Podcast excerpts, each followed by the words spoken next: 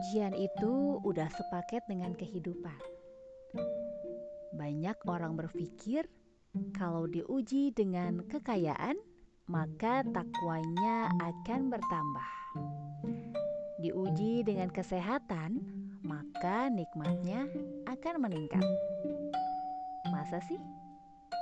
Coba deh, ketika kita beribadah, itu lebih khusyuk saat kita sehat atau lagi sakit. Kemudian kita baru sadar nikmatnya punya uang recehan itu ketika lagi hedon atau lagi bokeh. Justru seringnya kita ingat Tuhan itu pas lagi diuji dengan keburukan ya.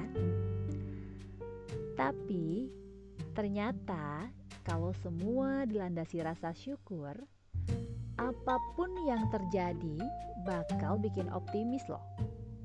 Siapa tahu lewat masalah sekarang justru kita lagi diselamatkan dari prahara sulit di masa depan.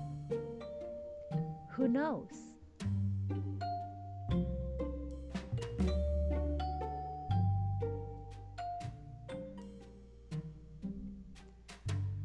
Ujian itu datang sekaligus dengan kekuatan.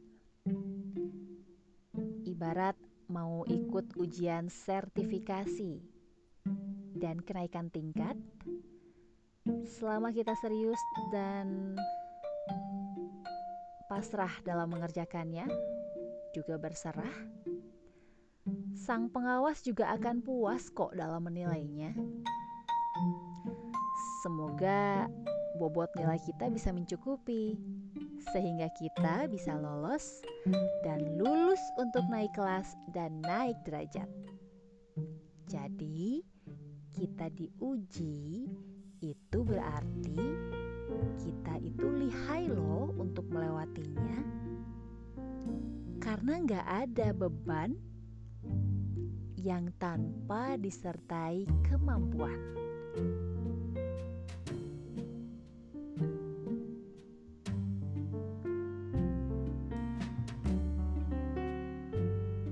Ujian itu pasti ada ujungnya. Selain bersyukur, kuncian lainnya adalah bersabar. Sabar dalam ketaatan, sabar dalam melihat kedurjanaan juga. Eh, tapi beda loh sabar dengan pasrah. Yang namanya sabar itu sama kayak nafas kita nggak bisa dong hidup tanpa bernafas. Bisa-bisa megap-megap nggak karuan. Nah, begitupun ternyata kita nggak bisa hidup tanpa nafas, alias tanpa sabar. Iya sih, berbicara begini mah gampang. Tapi ya kita sama-sama belajar ya.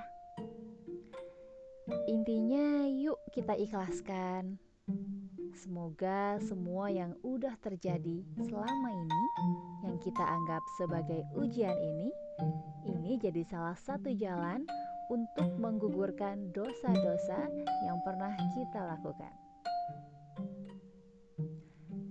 Inna ma'al usri yusro Quran Surat Al-Insyirah ayat 6 Selalu saya ingat Karena selepas kesulitan pasti ada kemudahan Sehabis seduh sedan, pasti aja ada seserian. Semua kesal itu pasti punya titik finalnya. Iya kan? Jelema edan oge aya cagerna.